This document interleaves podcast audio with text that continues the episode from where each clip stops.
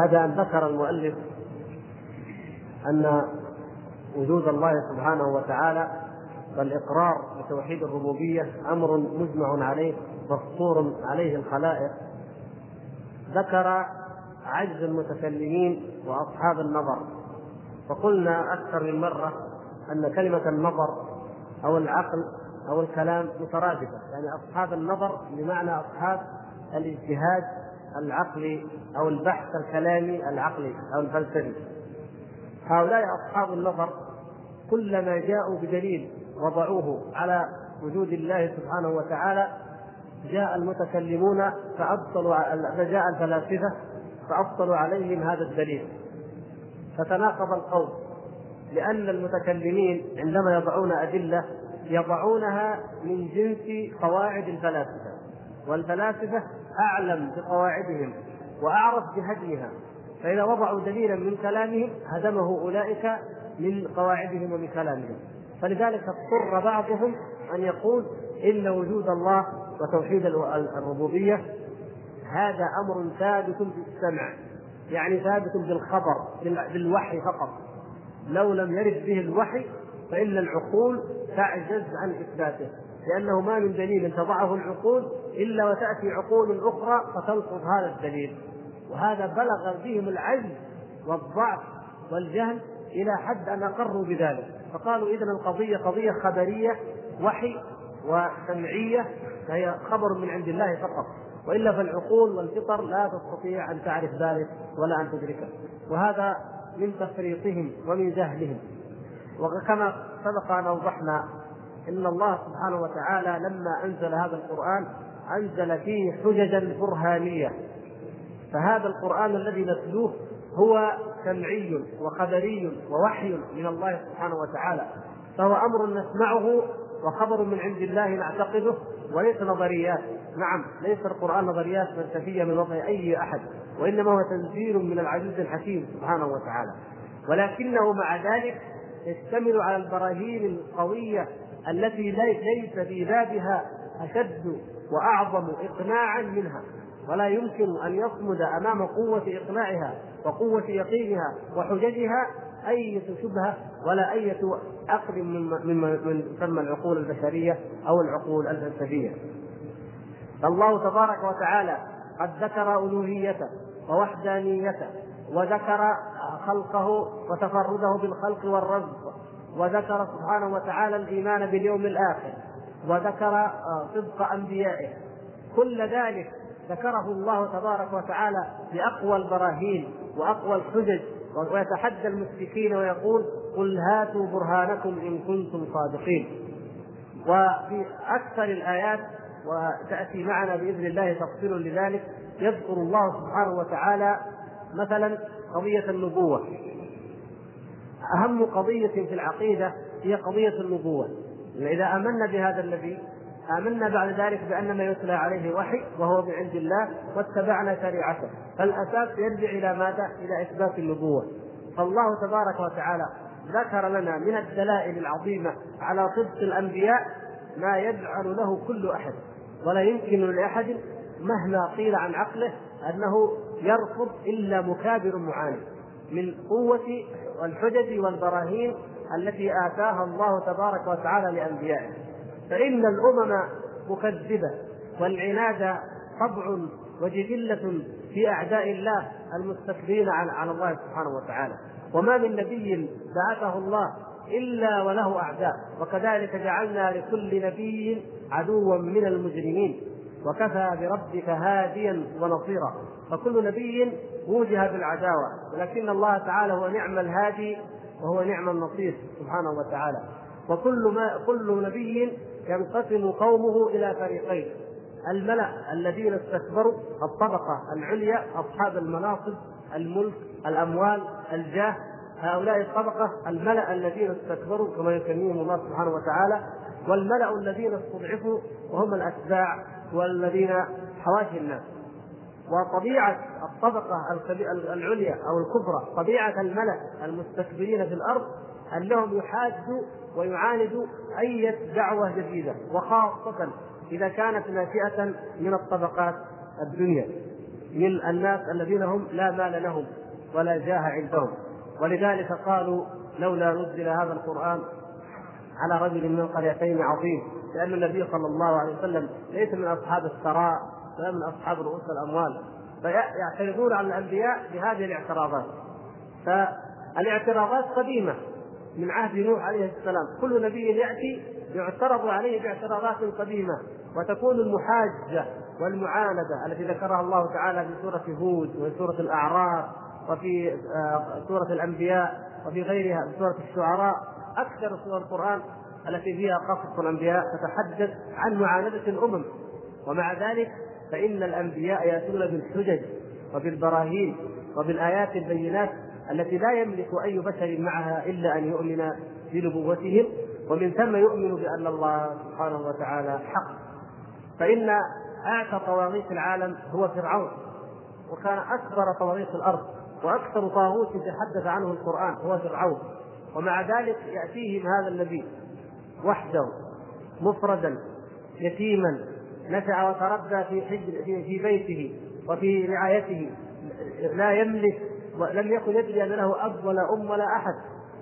وإنما يعلم فرعون أن هذا الإنسان لقيط التقطه من البحر ورباه. ثم يأتي ويقتل النفس ويهرب في البر. يبحث عنه فرعون وقومه فلا يجدوه. فيقدر الله سبحانه وتعالى أن يأتي هذا المقتول هذا الذي تطارده العدالة. وتبحث عنه لتقتص من من من المقتولين. يأتي هذا القاتل. فيأتي وإذا به يدعي النبوة. هنا شيء جديد جدا. لم يدعيها وهو في بيت فرعون. ولم يدعيها عندما قتل الرجل. وإنما جاء بدعوى جديدة غريبة لا يطيق فرعون أن يسمعها ولا يريد أن يسمعها ولا يأبه لها. فهل قال له موسى القضية خبرية؟ القضية سمعية فقط. أنا هكذا أخبرك. لا. قال أولو جئتك بشيء مبين. اذا هنا بينات. هنا حجج قال فأتي به إن كنت من الصادقين. فتأتي البينات. تأتي أن يخرج يده فإذا هي بيضاء للناظرين. ويضع الحية العصا فإذا هي حية تسعى. ثم تأتي المناظرة العظمى. لما أراد الله تبارك وتعالى أن يفضح فرعون وأن يخفي فرعون على الملأ مثل ما ادعى الربوبية على الملأ فأراد الله تعالى أن يفضحه على الملأ العام.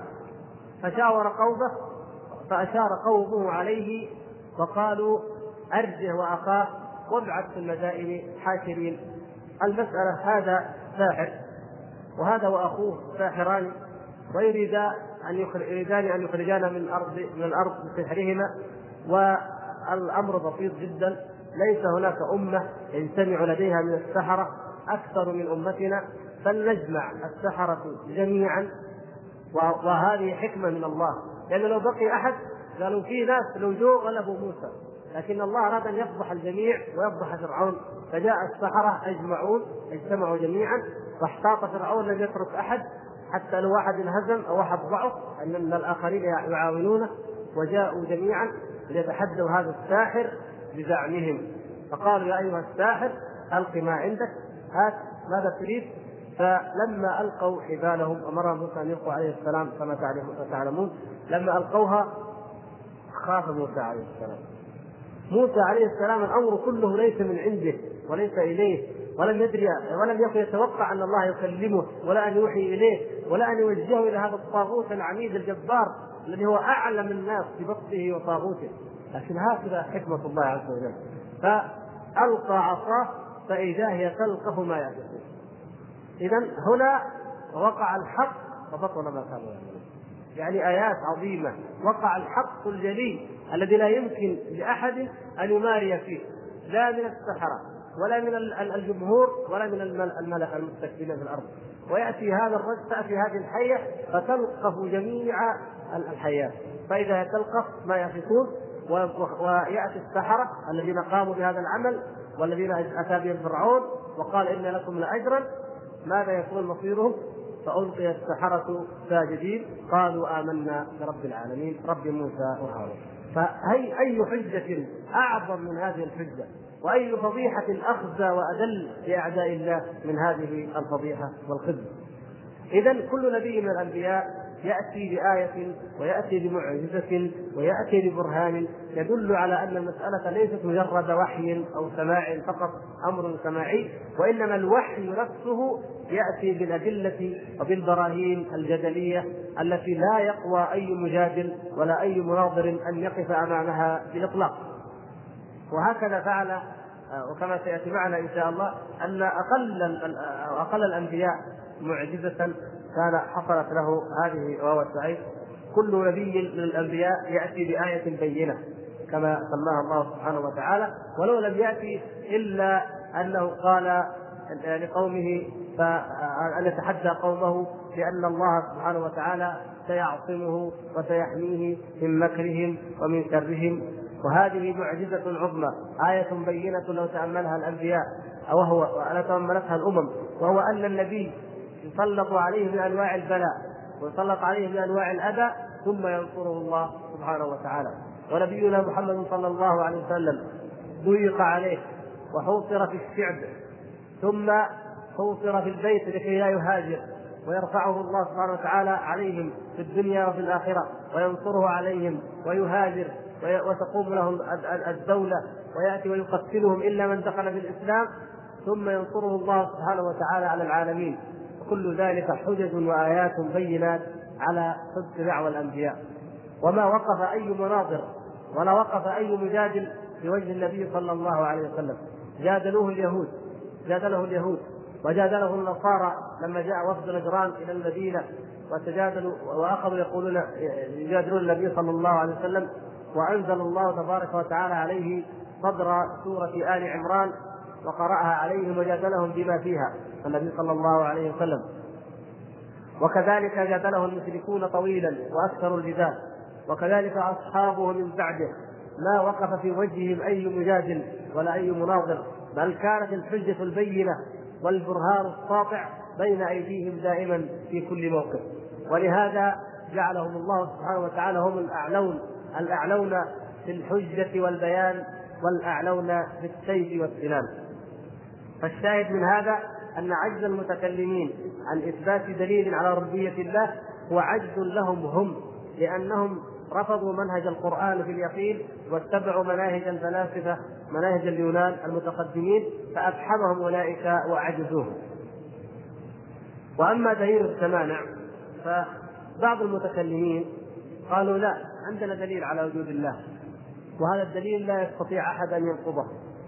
كيف هذا الدليل؟ نفهمه ببساطة. قالوا إن توحيد الله الدليل على أن الله واحد في خلقه وربوبيته أو في أو في دليل وحدانيته سبحانه وتعالى وأنه واحد أن الأجسام لا تخلو من الحركة أو من السكون. أي جسم من الأجسام موجود لابد إما متحرك وإما ساكن لا يخلو من, من أي منهما. قالوا لو افترضنا أن للعالم إلهين متماثلين. فلا بد أن لكل منهما إرادة مستقلة عن الآخر.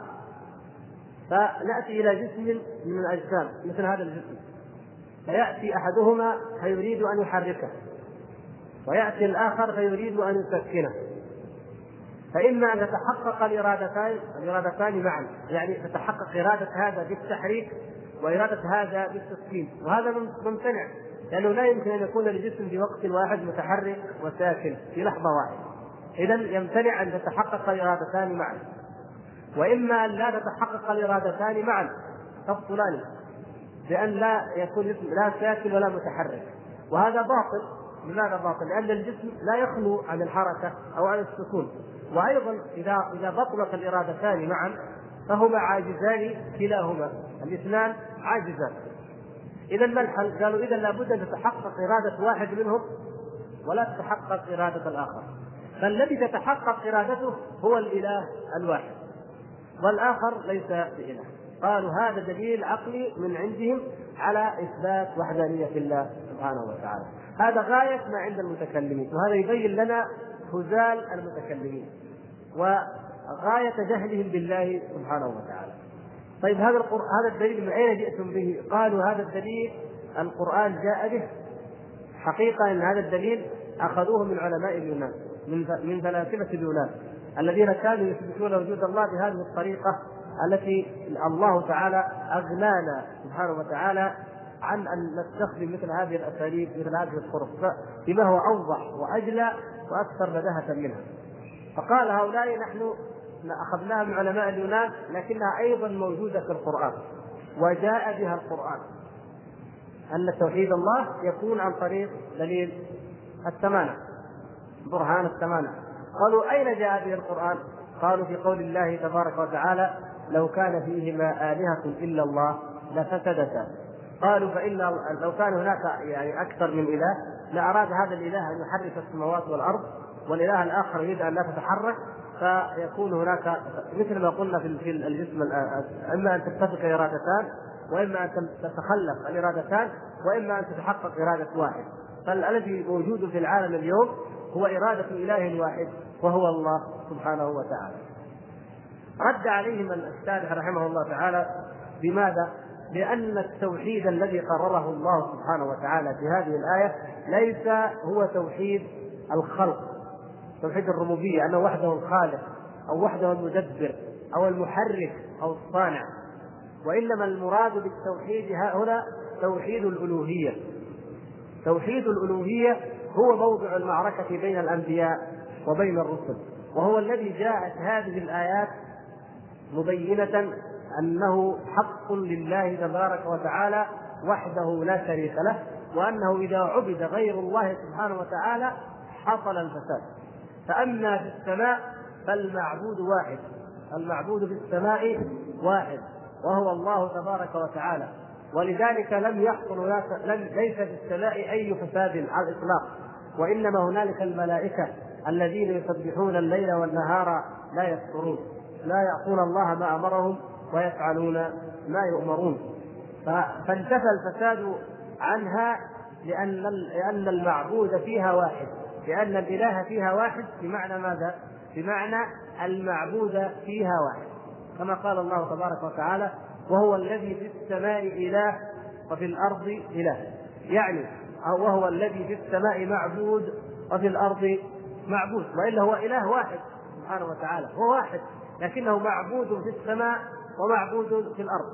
فأما في السماء فصلاحها ظاهر صلاح السماء ظاهر لأن الله سبحانه وتعالى هو وحده المعبود فيها حقت السماء وحق لها أن تعق ما فيها موضع آه، شبر إلا وفيه ملك ساجد أو راكع أو قائم. سبحان الله هؤلاء البشر هؤلاء الخلق الذين اصطفاهم الله سبحانه وتعالى لعبادته. ولهذا انتفى عنهم الفساد. ولهذا قالوا أتجعل فيها من يفسد فيها ويسفك الدماء؟ لأن الأرض هي التي يقع فيها الفساد. ولذلك قال أم اتخذوا آلهة من الأرض؟ هم ينشرون. لو كان فيهما آلهة غير الله إلا الله لفسدتا فالله سبحانه وتعالى ذكر أنهم في الأرض اتخذوا آلهة من الأرض. وأما في السماء فلأن الملائكة لأن الملائكة المقربين لم يعبدوا غير الله ولم يتخذوا إلها غير الله فالصلاح فيها ظاهر. وفي الأرض المكان الذي يعبد الله تعالى وحده فيه في الأرض يكون فيه الصلاح ويكون فيه الخير.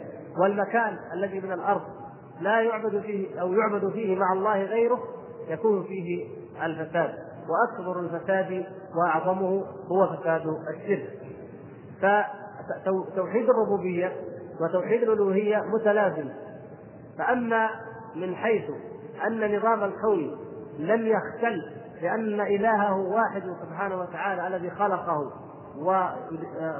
وصنعه ويدبره سبحانه وتعالى صنع الله الذي أتقن كل شيء. هذا لأن نعم حقيقة حق أن الكون نظامه متسق لأنه من صنع إله واحد سبحانه وتعالى. هذا حق لكن ليس هو كل الحق. وإنما المراد أن نربط هذا الحق بالجانب الأهم وهو جانب الألوهية. فإذا عبد الله سبحانه وتعالى وحده لا شريك له صلح الحال كله. لماذا؟ لأنه هو وحده الذي يدبر نظام الكون وهو وحده المعبود في الكون فيصلح الكون جميعا. ولكن إذا عصى أي واحد من الناس إذا عصى الله سبحانه وتعالى فإنه في الحقيقة قد صادم هذا الكون وصادم نفسه وصادم كل شيء في الوجود وصادم قبل ذلك ربه تبارك وتعالى بعبادته لغير الله تبارك وتعالى فحينئذ يحصل الفساد ويقع الفساد في الأرض. وإلا فالمؤمن يتآلف مع هذه المخلوقات جميعا لأنه يشعر أنها تعبد الله والنجم والشجر يسجدان. كل شيء يسجد لله سبحانه وتعالى. وإن من شيء إلا يسبح بحمده. ولكن لا تفقهون تسبيحهم. فيقول النبي صلى الله عليه وسلم عن أحد أحد جبل نحبه ويحبنا هناك علاقة هناك محبة بيننا وبين مخلوقات الله سبحانه وتعالى. لأنها تعبد الله ونحن نعبد الله.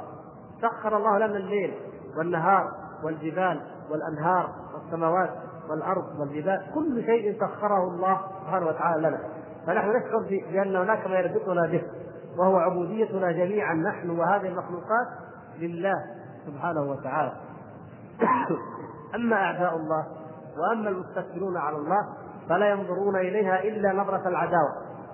ولذلك اصطلحت أوروبا منذ عصر ما يسمى عصر النهضة إلى اليوم على أن تسمي كل إنجاز أو اكتشاف علمي تسميه قهرا للطبيعة. قهر الطبيعة. إذا فتحوا طريق في جبل قالوا قهرنا الطبيعة. وفتحنا هذا الطريق. إذا حولوا مجرى نهر من الأنهار قالوا قهرنا الطبيعة.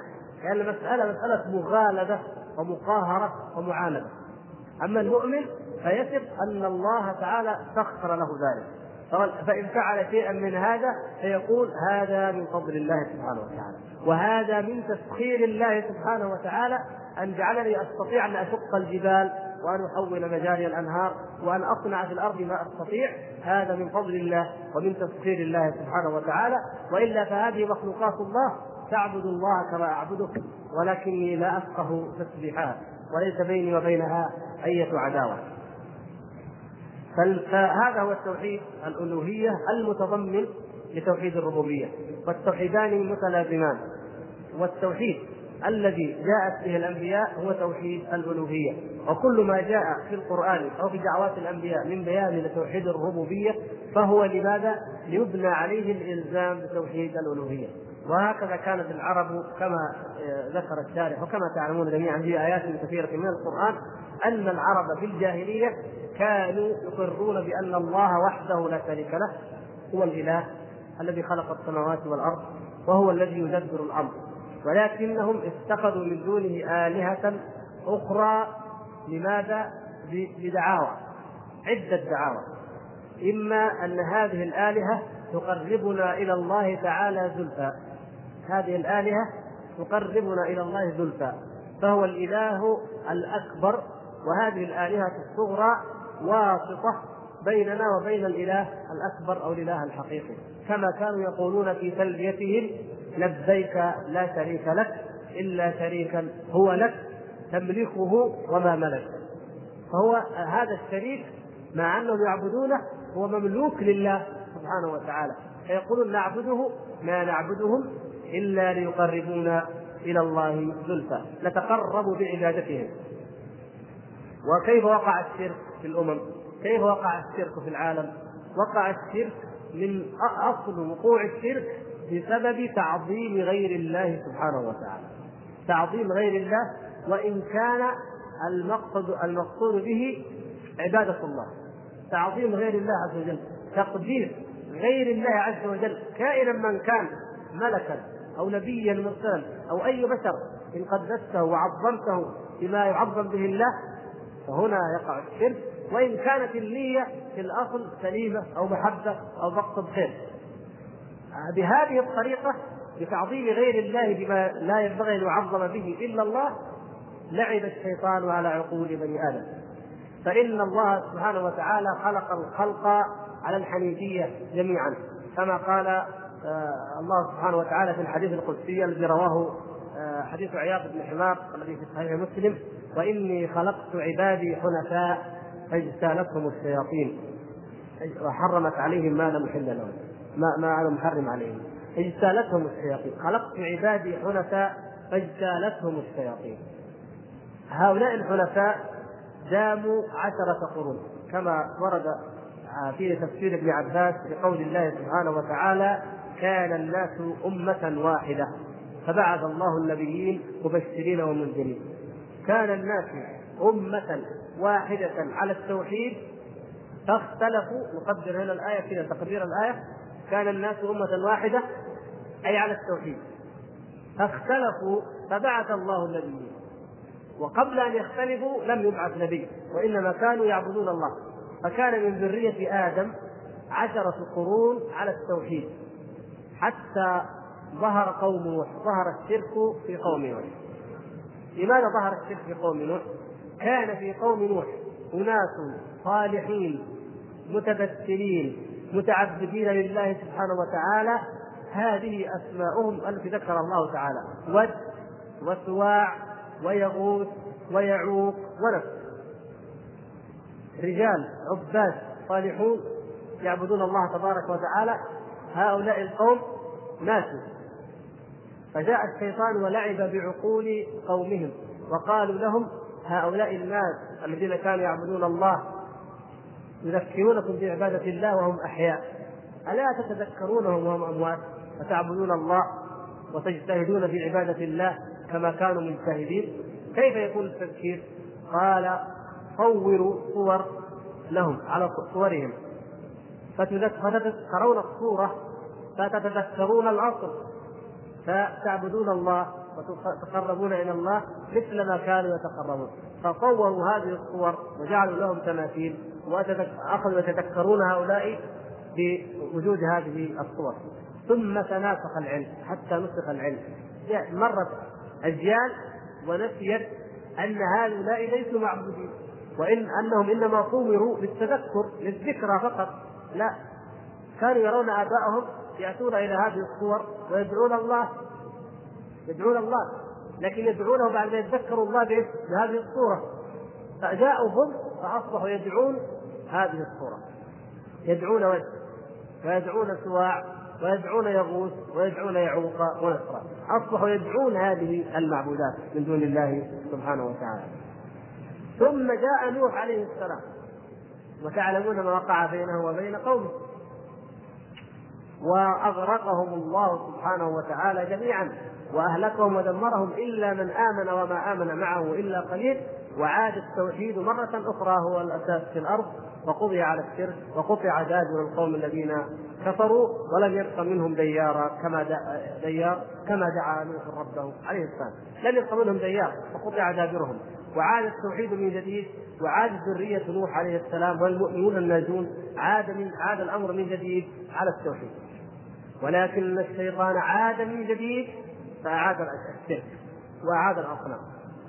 ولم يبعث النبي صلى الله عليه وسلم إلا ويود وسواع ويغوث ويعوق ونسر تعبد بأعيانها التي كانت أيام نوح في أمد لا يعلمه إلا الله سبحانه وتعالى. قرون بين نوح وبين بل هناك قرون بين العرب البائدة بين ثمود وعاد وبين إبراهيم عليه السلام وذريته العرب الباقية. قرون والذين من بعدهم لا يعلمهم إلا الله كما قال الله تعالى. قرون طويلة ومع ذلك لأن الشيطان موجود ولأن الشيطان واحد أعاد تلك الأصنام بأعيانها وبأسمائها كما فسرها ابن عباس رضي الله تعالى عنهما في صحيح البخاري. فكل قبيلة من العرب عبدت إلها من هذه الآلهة الذي هو في الأصل آه، اسم رجل صالح من قوم وقد سبق أن تحدثنا عن أسباب أو كيف وقع الشرك في بلاد العرب وقلنا إنه كان بسبب الانبهار الانبهار الحضاري الذي يسمى الانبهار الحضاري أن عمرو بن لحي الخزاعي الذي هو الذي أسس الشرك في جزيرة العرب بعد التوحيد وغير ملة إبراهيم وإسماعيل عليهما السلام ذهب إلى بلاد الشام ورأى الناس يعبدون الأصنام هناك فجاء إلى العرب واستورد جاء آه، بهذه البضاعة الفاسدة الكافده وجاء فيها واستوردها وجعلها عند البيت الحرام الذي جعل جعله الله سبحانه وتعالى أول بيت وضع للناس لكي لا يعبد إلا الله تبارك وتعالى. فجاء بالاصنام ثم عبدت وبقي بقيت قريش تتناقل ذلك ذرية إسماعيل حتى بعث فيهم النبي الأمي دعوة إبراهيم عليه السلام. وهو محمد صلى الله عليه وسلم. فكان هذا هو عودة الشرك. إذا سبب وقوع الشرك لم يكن من أجل لم يكن الشرك واقعا في الربوبية وإنما كان في الألوهية. سبب وقوع الشرك هو تعظيم غير الله عز وجل وتقديس غير الله عز وجل وخاصة الصور التي عظمت والتي قدست. ولذلك ياتي يذكر الشارح رحمه الله تعالى الأحاديث الواردة في آه، في ذلك وفي وجوب طمس الصور وتسوية القبور لأنها ذرائع إلى عبادة غير الله تبارك وتعالى. وقد ثبت وقد ثبت في صحيح مسلم أن الاسدي الاسدي قال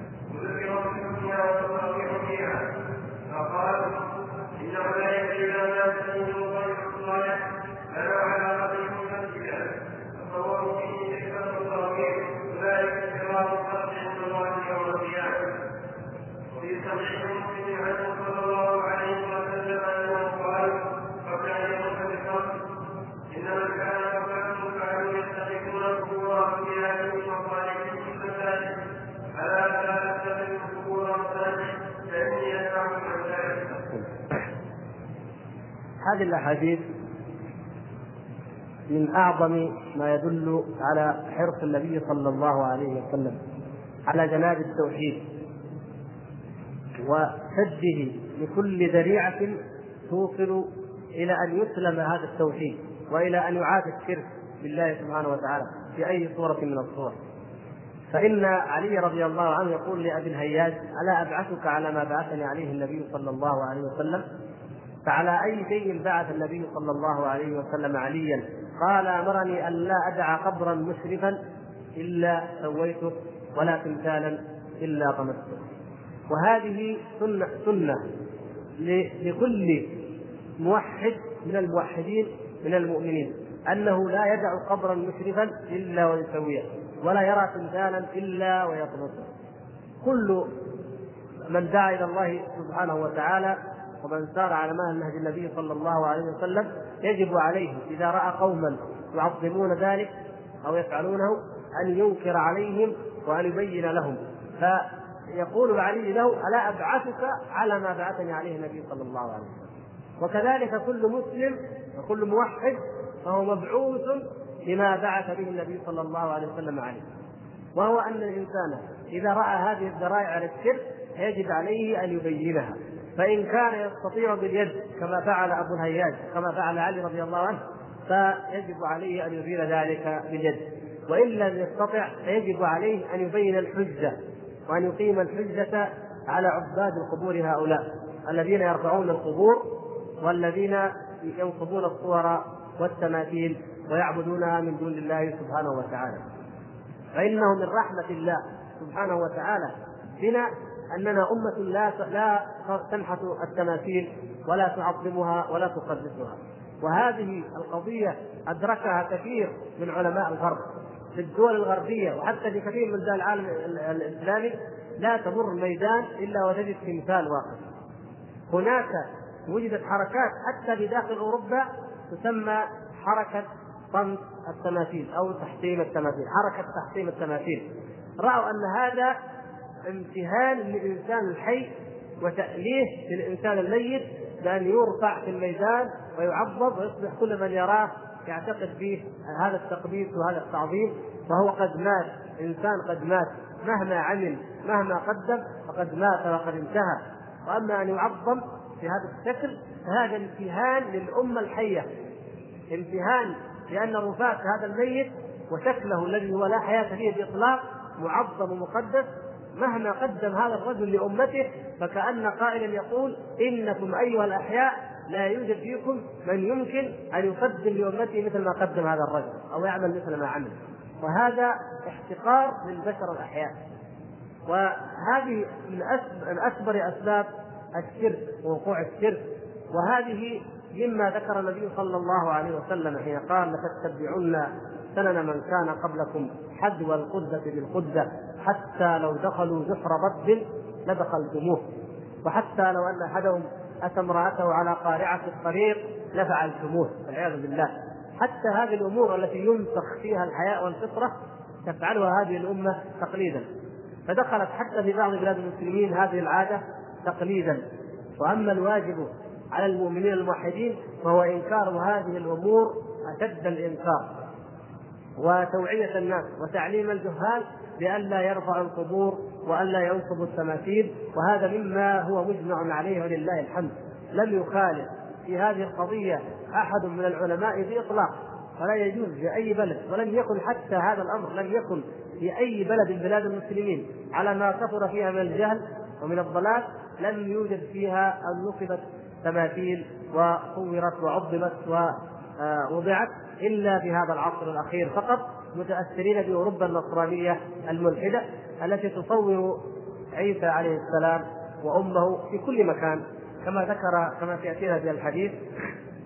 الآخر الذي اتفق عليه الشيخان وهو قوله صلى الله عليه وسلم لعن الله اليهود والنصارى اتخذوا قبور أنبيائهم مساجد ولما ذكر لهما في أرض الحبشة الكنيسة التي في أرض الحبشة لأن الصحابة رضوان الله تعالى عليهم كما تعلمون هاجروا إلى الحبشة ورأوا دينهم ورأوا كنائسهم وهذا من ديدن الكنائس يجعلون صورة المسيح عليه السلام في الكنائس في كل مكان. ولهذا هم يعبدونه عليه السلام يعبدونه من دون الله. ولم يعبدوا المسيح فقط. القديسين الذين يجعلون لهم صور في الميادين وفي الكنائس ويعبدونهم يسمونهم القديسين. يقدسوهم ويعبدونهم. في العالم الغربي ما تزال إلى الآن مع أن الناس قد كفروا بهذا الدين وأكثرهم تخلى عنه تخليا كاملا إلا أنه ما تزال في قلوبهم تعظيم القديسين. وما يزال مسميات مدنهم وأسماء مدنهم وأسماء شوارعهم بأسماء القديسين. كان جورج أو كان مثلا فلان كان فلاديمير أسماء كثيرة جدا. باسم القديس جورج أو القديس يوحنا أو القديس فلان. من من مما بقي من تقاليد تقديس أولئك الرجال وتعظيمهم فكانوا لعنهم النبي صلى الله عليه وسلم لأنهم كانوا إذا مات فيهم النبي أو العبد الصالح إما أن ينصبوا له تمثالا فيعبدوه وإما أن يتخذوا قبره مسجدا. يأتون على القبر ويبنون عليه قبة ومسجد ويأتون ويعبدونه ويقولون نحن ما نعبد صاحب القبر ما نعبد الميت وإنما نعبد الله. كما قال أسلافهم ما نعبدهم إلا ليقربونا إلى الله زلفى. إذا قيل لهم طيب إذا كنتم تعبدون الله فلم لا تعبدونه إلا عند هذا القبر؟ ولم تستيدون هذا القبر؟ قالوا صاحب هذا القبر يقربنا إلى الله. نفس الكلام الذي قاله أصحاب الجاهلية. أو هؤلاء شفعاؤنا عند الله كما قال أصحاب الجاهلية الأولى هؤلاء شفعاؤنا عند الله. فهذا الميت الذي في القبر يشفع لنا عند الله ولهذا نحن بنينا فوق هذا القبر ونحن نعبد الله عند هذا القبر. هذا ما يقولونه وهذا ما يزعمونه ولكنه في الحقيقة هو عين الشرك الذي جاء النبي صلى الله عليه وسلم وجاء الأنبياء بمحاربته. وأوحى الله سبحانه وتعالى إلى نبيه محمد صلى الله عليه وسلم وإلى من قبله ولئن أشركت ليحبطن عملك ولتكونن من الخاسرين. وتعهد الله سبحانه وتعالى وتأذن أنه لا لا يدخل الجنة مشرك قط أبدا. من أشرك بالله سبحانه وتعالى فقد حرم الله عليه الجنة ومأواه النار وما للظالمين من أنصار. فهؤلاء الناس الذين يتوسطون بغير الله سبحانه وتعالى والذين يعبدون غير الله أو يدعون غير الله زاعمين أنهم يتوسطون أو يتشفعون بهم إلى الله وقعوا في عين الشرك الأول. ويجب أن تبين لهم هذه الحقيقة ليتركوها وليرتدعوا عنها.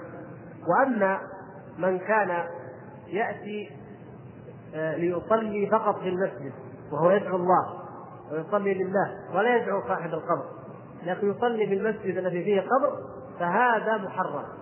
هذا محرم وليس فاعله مشركا. يعني المشرك هو من يدعو الأموات ومن يستغيث بهم ومن يعتقد انهم واسطة بينه وبين الله تبارك وتعالى. لكن الصلاة في هذه عند هذه القبور هذا لا محرم ولا يجوز وإن كان لله عز وجل.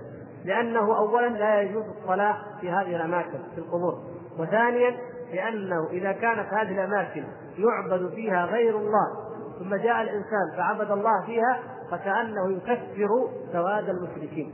ولذلك لا يجوز لأحد أن ينحر في مكان ينحر فيه لغير الله ولا أن يصلي في مكان يصلى فيه لغير الله لأن هذا فعل هو ليس الإنسان لا لا يقصد الشرك يعني لا يبدأ يشرك لكن إذا فعل هذه العبادة في مكان يشرك فيه بالله فقد وافق المشركين في المكان أو في الزمان فكثر بذلك سوادهم. وهذا ذريعة لأن يأتي بعده أحد فيشرك كما كما وقع الشرك في قوم نوح. ولهذا قطع عمر رضي الله عنه الشجرة الشجرة التي في الحديبية قطعها ولم يعلم أحد بمكانها. لماذا؟ من أجل ذلك لانها أول مرة تزار على أنها أثر. أثر مقدس. تذكر الإنسان الصحابة رضي الله عنهم وكيف بايعوا تحت هذه الشجرة وتعجب في الشجرة. والمرة الثانية يزداد تعجبا. ويتأمل في الأغصان وفي السيقان وينسى موضوع البيعة وموضوع تعظيم الصحابة. والمرة الثالثة يأتي ويقول إن كان لي حاجة أقضيها عند هذه الشجرة وأدعو الله عند الشجرة فيستجيب لي الله لأن هذا مكان عظيم. اجتمع فيه الصحابة وبايعوا رسول الله صلى الله عليه وسلم. إذا لابد هذا مكان عظيم. فلو دعوت الله فيه لكان أقرب الاجابه ويأتي المرة الثالثة ويتمسح بالشجرة ويقول كما كان يقول المشركون في نجد قبل بعثه الشيخ محمد بن عبد الوهاب رحمه الله كانوا يأتون إلى الجذع الضخم من أجزاء الشجرة النخل الذكور وتقول المرأة والرجل يا فحل الفحول أبغى ولد قبل الحول.